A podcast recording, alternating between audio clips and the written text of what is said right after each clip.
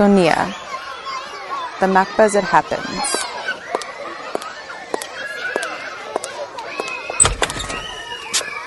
In 1968, Palle Nielsen approached the Moderna Museet in Stockholm with a proposal for turning the museum into an adventure playground.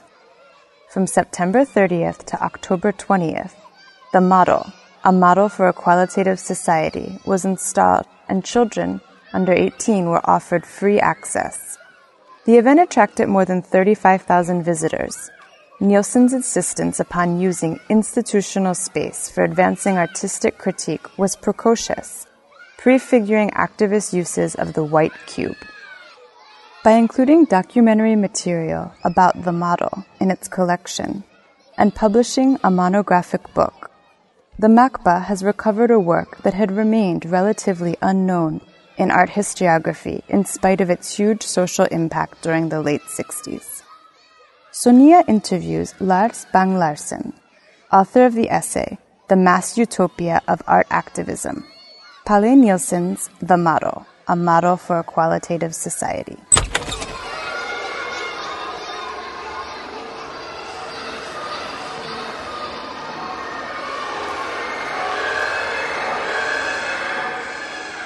Palle Nielsen, The Model, A Model for a Qualitative Society, 1968, Moderna Museet, Stockholm.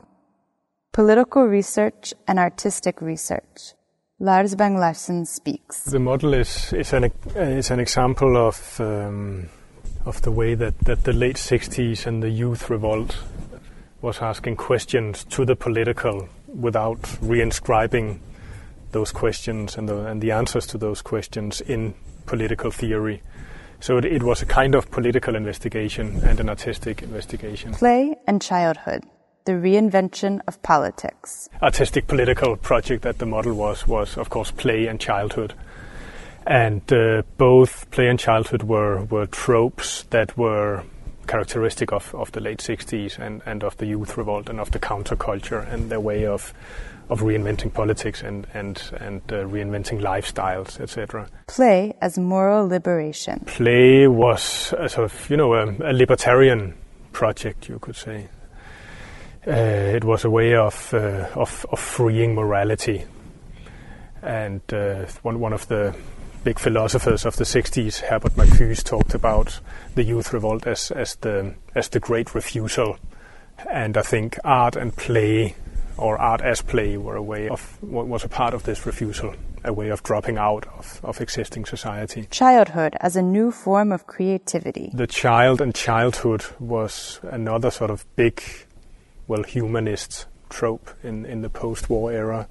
You have several sort of uh, art movements that that exalt or, or work with with childish creativity or childish expression, like the Cobra movement or uh, Art Brut as well. The child as a political figure. The child also became a political figure, politicians uh, representing the left in the parliament or, or the unions again. But on the street, you had the, the youth or the, or the children, which were, okay, they were not primary school children perhaps, but, but uh, children from high schools, teenagers, etc., as well as students. A war against the world of adults. It was a way of declaring war on, on adult society and uh, in a sort of in, in a utopian sense, but also in a very specific sense, because it was um, the project at the Moderna Museum in Stockholm was tied into these an activism that Palle Nielsen was involved in before and after the model. An anti-disciplinary project for a collectivist human being. The museum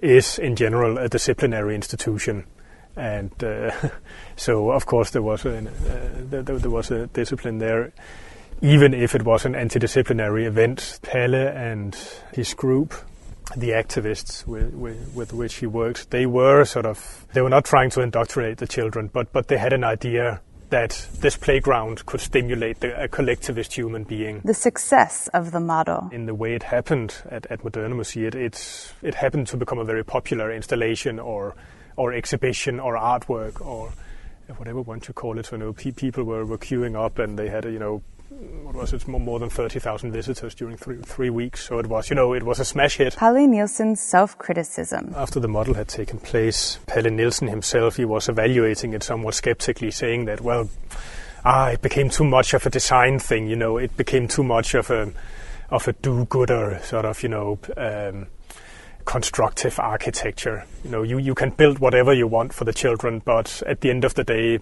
children can play with whatever the hell they you know rubbish they, they find on a parking lot and they're extremely happy. A quantitative society. The title itself is a riff on um, the theorist Andre Gorz, uh, who wrote, who, who, who, was, who was talking about, uh, sort of he, he distinguished between the quantitative and the qualitative achievements of, of the industrial society. And he said that, well, we've achieved a lot quantitatively because now we have a society of surplus for the first time in history, we have a generation of people who doesn't have to to to, to work for their bare survival.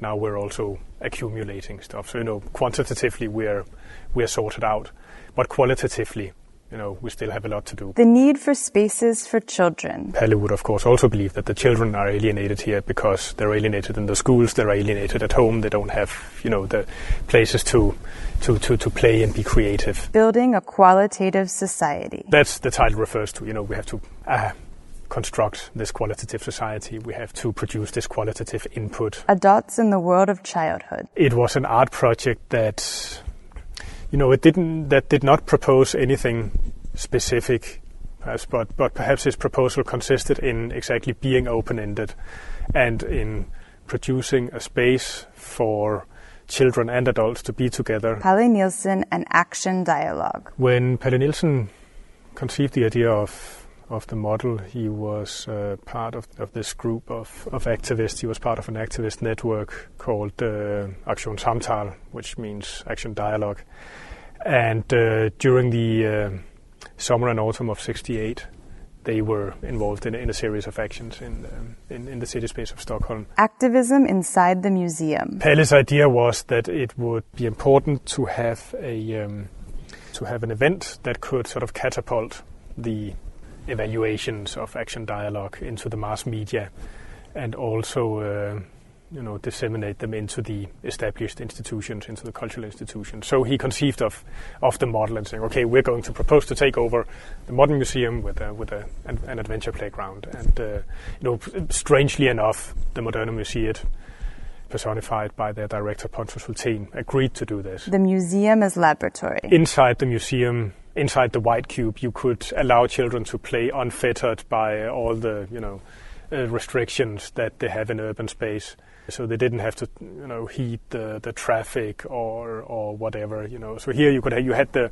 in a way you had the perfect laboratory situation for for play Nielsen designed uh, this more than 600 square meters playground according to what he believed would stimulate uh, different sort of play functions for the children. Palle Nielsen and playground activism. This was different from the um, children's playgrounds that Nielsen had been involved in, in building in the city space because previously in Copenhagen and in Stockholm he had been involved in um, in these sort of you know guerrilla type raids on uh, underprivileged housing or uh, in building um, playgrounds in the new satellite cities um, in Copenhagen and Stockholm. Collaboration between activists and residents. Nielsen and his activist friends um, having prepared sort of very meticulously for, for this action. And then they would, uh, one morning, build a children's playground in a designated place.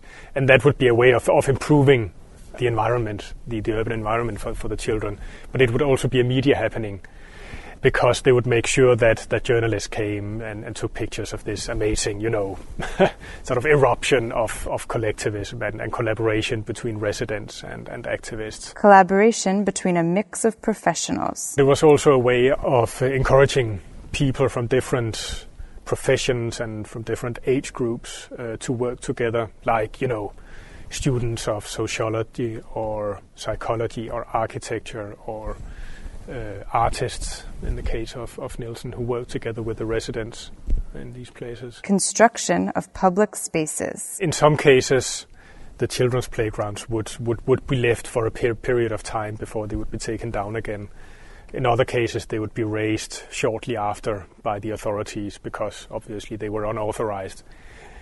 But it's it's an it's an interesting uh, kind of of uh, of potlatch uh, in a way of it's a sort of again conflict oriented way of giving a gift to the public space. It's not a demonstration. It's not a it's not an action where you have sort of anarchists running through the city and, and smashing windows. But it's it's, a, it's very constructive. The importance of media impact. The social function was also uh, mass mediated because Nielsen was very aware of of the role of of, of uh, newspapers and, and TV here and in many cases uh, they, they were quite efficient as, as media happenings the playgrounds because you know they would get coverage in national TV and, and, and the newspapers would comment saying, oh wow this is amazing. The million program the famous million program of the Swedish state which was uh, their nickname for, for, for, for building one million new uh, flats basically for the um, you know the exploding population, which in many cases quickly became sort of ghettoified and um, uh, and stigmatized. An example of micro political action. The vanguard experimentation and activism of people like Palle Nielsen, who, who, who were you know proposing these kinds of, of micro politics which they were. I mean, that's the term of, of Deleuze and Guattari, of course. But, you know, it's, uh, to, to me, this is this is definitely an example of, of, of a micro-political kind of, of, of, aesthetic experimentation. So, you know, a kind of politics that grows up from below. Art history's reception of the model. Concerning the, the reception of, of the model um, in art history, it's, um, well, it hasn't, it hasn't had any, uh, basically. Before, uh, before now, when when uh, when Palle and I did this this book for for MACBA, on the occasion of of, of the handing over of his, his MACBA to, or sorry, on the occasion of his handing over of his archive to MACBA. Palle Nielsen's disengagement from the art scene. There are several reasons for the fact that there is no reception of, are, that there has been no reception of, of the model thus far. Good and bad reasons. One of the reasons is that Palle stopped doing art in, in the late 70s, so he sort of he, he dropped out of the art scene uh, because he became disenchanted with the way things were going in, in Copenhagen. He said that, you know, uh, the, the 80s and the entrepreneurial spirit of, of the 80s began in the late 70s when artists were sort of became focused on, on collaborating with, um, with, with corporations, uh, whereas his was his, his position was as an, you know, he, he was he says that I'm an anarcho syndicalist and I've al- always been that. He didn't insist in the uh, to become an artist after that. A project preserved through documents. There's also the fact that um, a project like the model, which did not leave any sort of residues behind for art historians and archivists to, to, to collect. You know, there were no objects left because the playground was taken down and then reconstructed somewhere else after it was over at the Moderna Museet and um, so that meant that you, owned, you, you you did not have you did not have a work. You had some documentation. You have all these amazing photos that that that Palle that Palle took. The recuperation of artistic documents. It's only now, within the last ten years or so, that uh, that museums are beginning to get their head around that. Yes, we can collect this, and, and this this is important in order to consider those parts of recent art history which were not object based. The model a pioneer use of the white cube for critical projects. The model supplements other uh, art historical narratives in, in a really interesting way. So it's um, it's uh, to to me, or the way I see it, is that it, it it's a forerunner for activist pra- practices, and the way activist practices in later on in the 70s started using, started insisting on using the white cube uh, for critical purposes. macba.cat